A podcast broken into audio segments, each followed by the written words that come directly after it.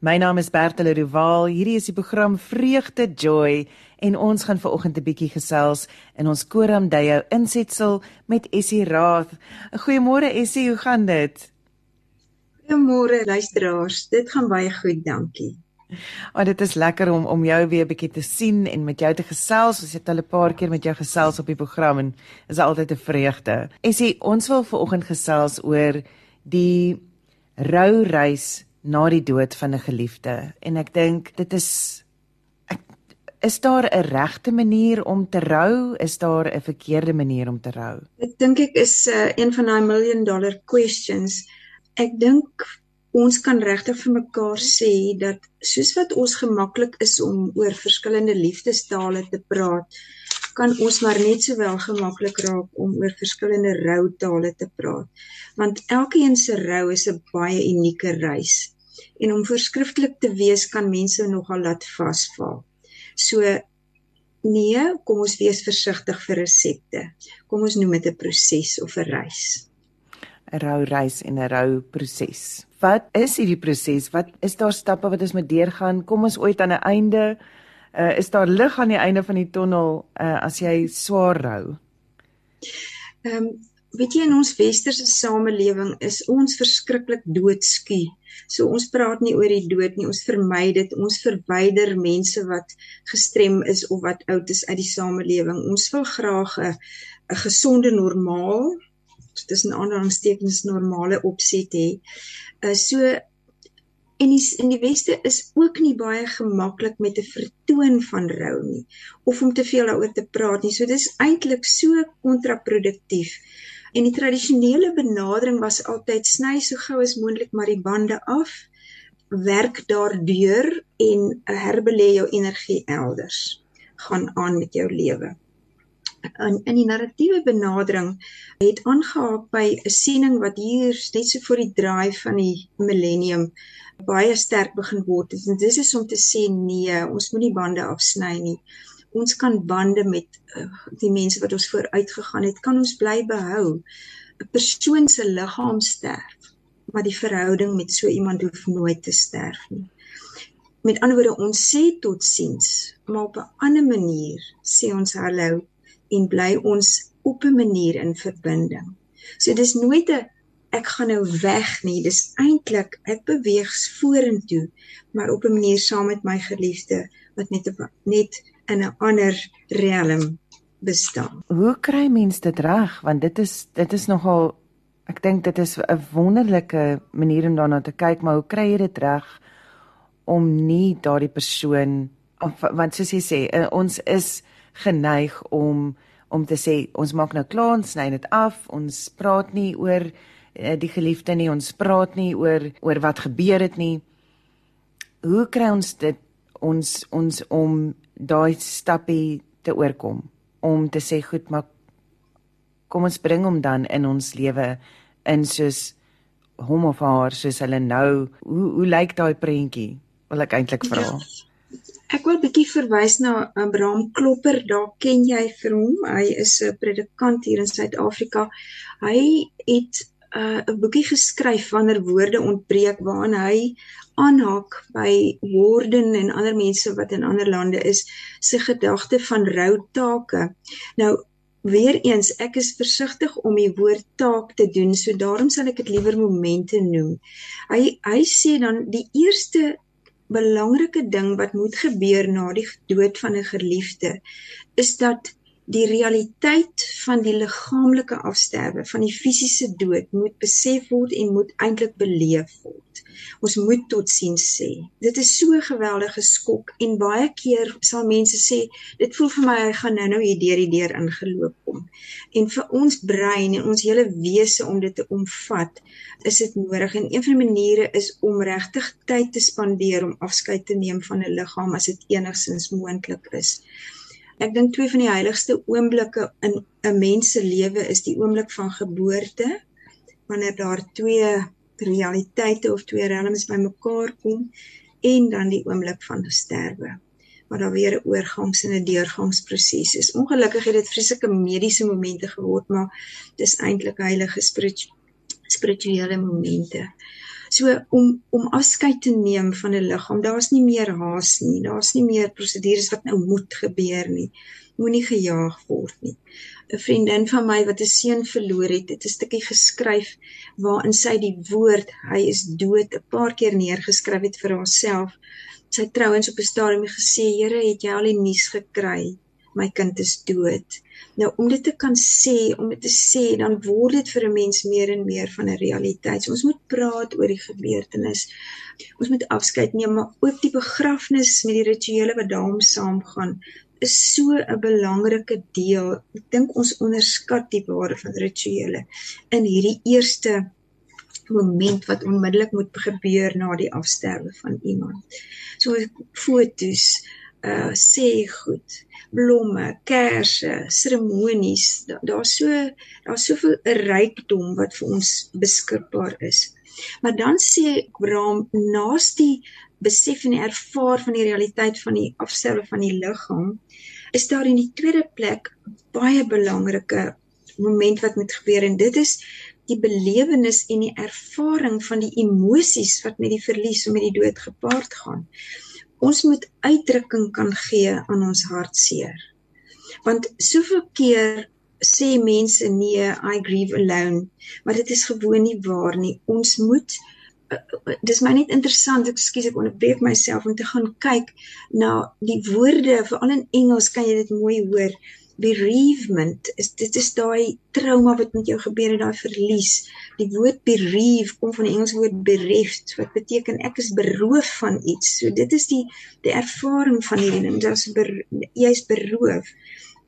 En dan die die rou smart wat ons in Afrikaans sê wat wat uh, maar 'n vertaling van grief is die woord grief kom van die latynse woord gravis wat swaar is. Dit is dis gewigtig. Dis nie sommer 'n 'n ligte dingetjie nie. So selfs in die ou woorde kan ons die intensiteit van die rou hoor. En dan iets soos if you you mourn somebody, nee, in Afrikaans ek weet nie die beste woord is miskien weeklaag is 'n vreeslike ou woord maar dit is 'n hoorbare uitdrukking van huil en van kla en van hartseer wees wat nie net toegedruk word nie mond word toegemaak nie.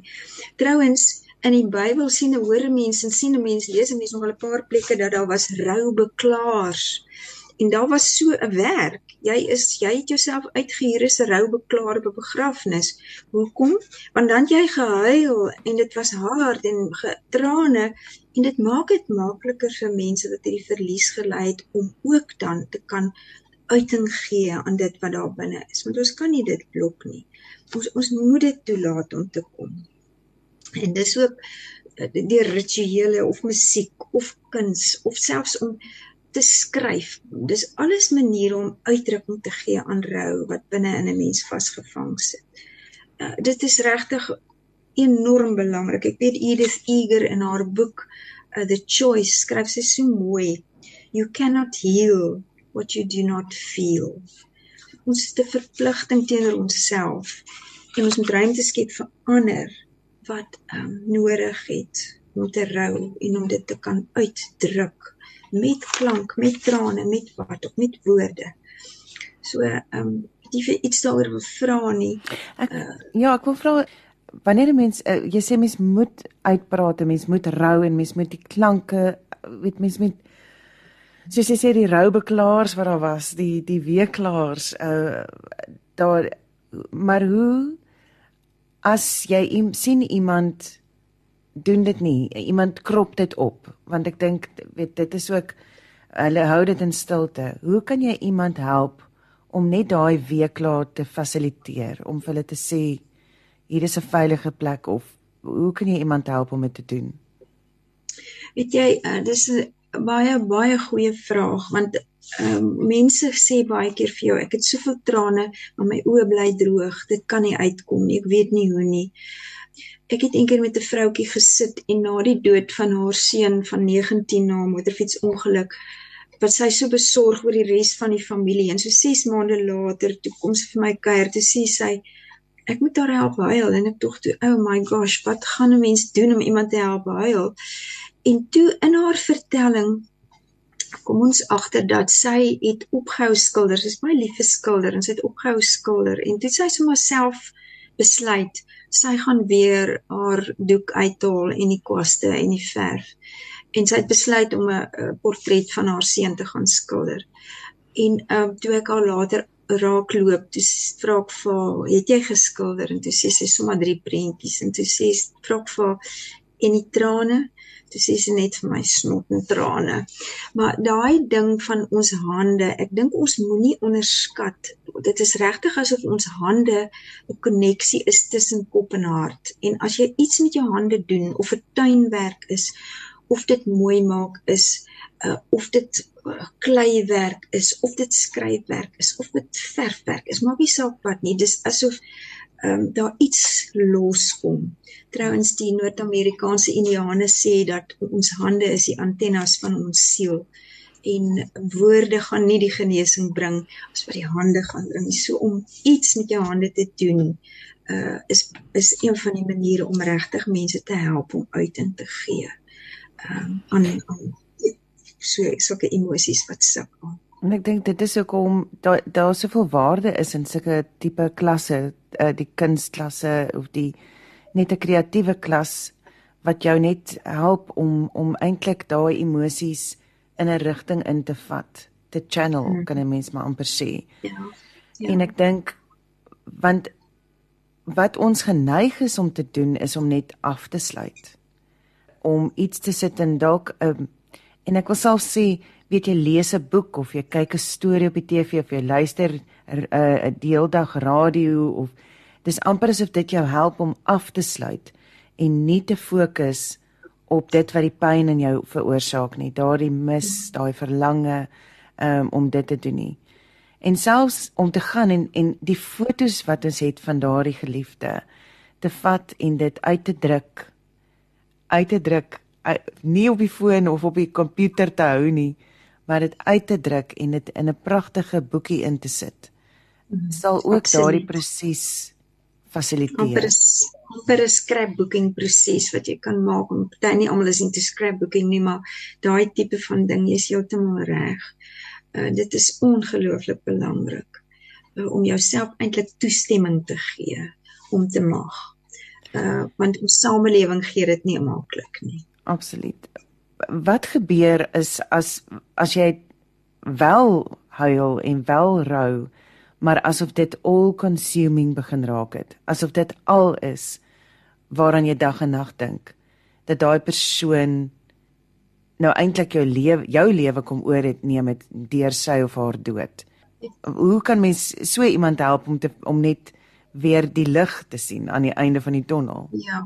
Weet jy um dit sny vir my aan wanneer twee goed gelyk sê. Die een is dat die verlies is in ons lewe maar ons lewe moet aangaan. So vir my is die metafoor van 'n pendulum verskriklik kosbaar. Daar's tye wat jy absoluut in jou verlies in is en jy's daar en jy huil en is swaar. Maar dan moet jy weer terugswaai in die lewe. Jy het kinders, jy het verantwoordelikhede, jy het 'n werk, jy moet 'n inkomste verdien. Wat wat wat. So daai pendulum is 'n ongelooflike gesonde manier van rou. Ek laat myself toe om daar te wees en dan sê ek, "Right, nou is dit tyd om weer aan te gaan. Daar's 'n boedel wat nou gekyk moet word. Daar's dit en dat en die ander ding, nê." Nee.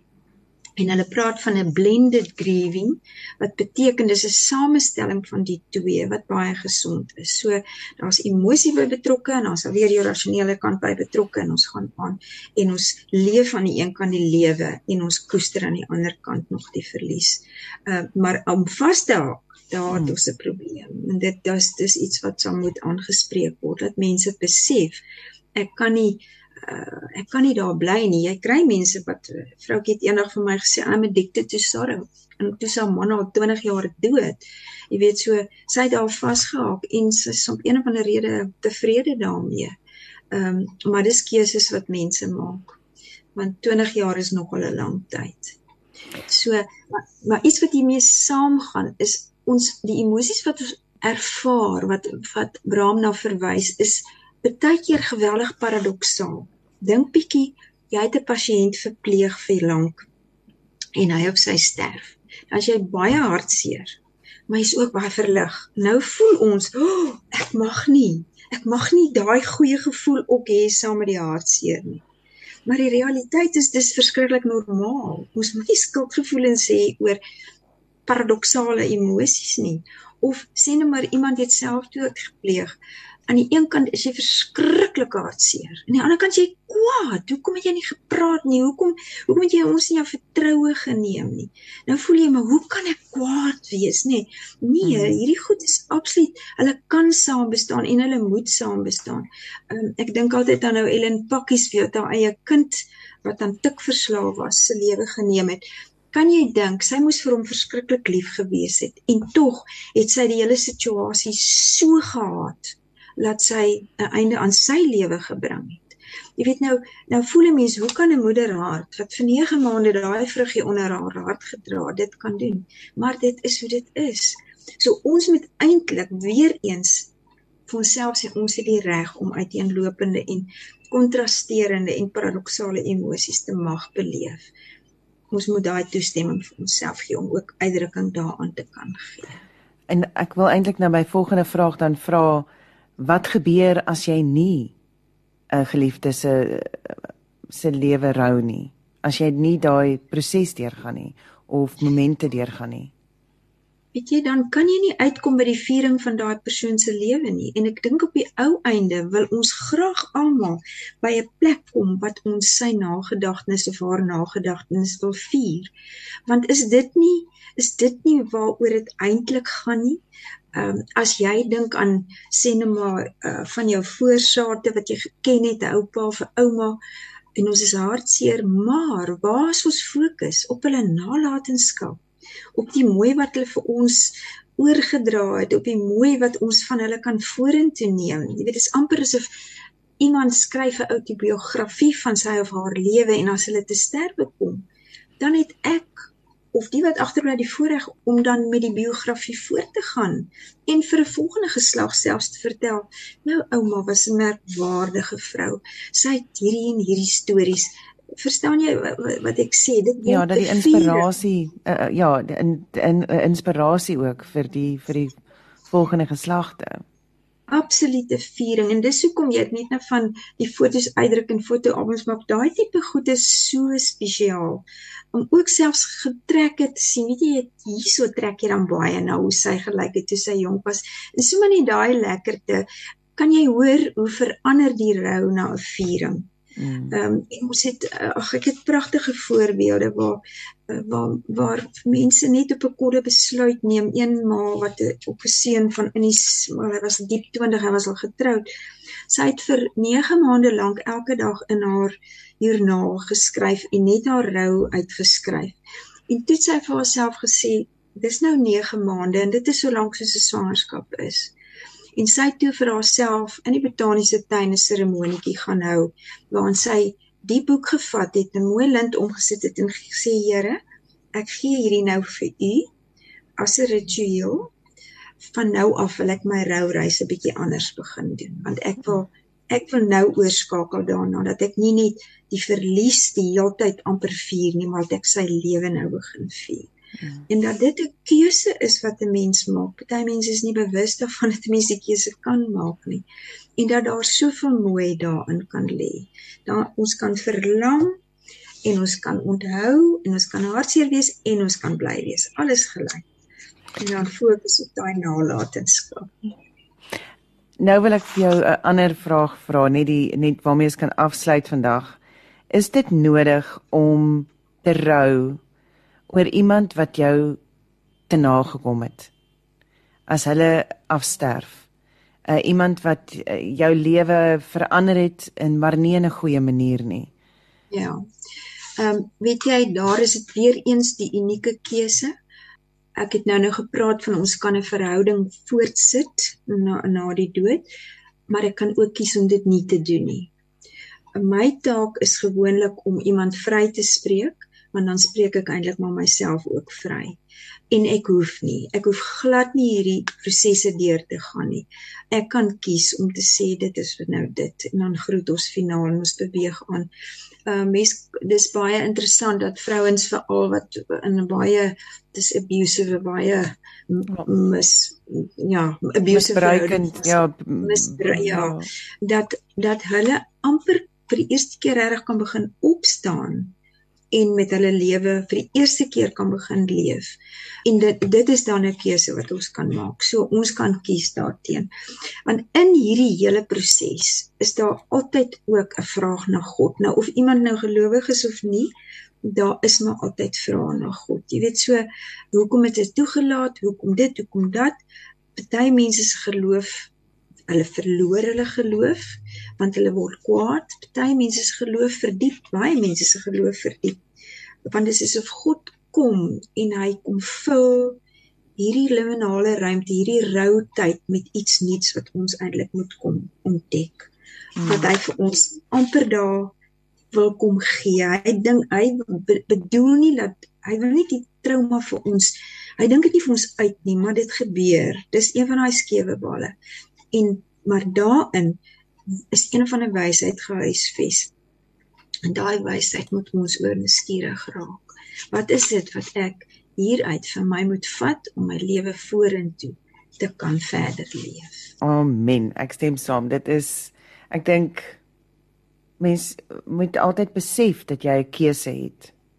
En soos ons net gepraat het van jy kan kies om te veel te rou of vas te sit in daardie rouproses.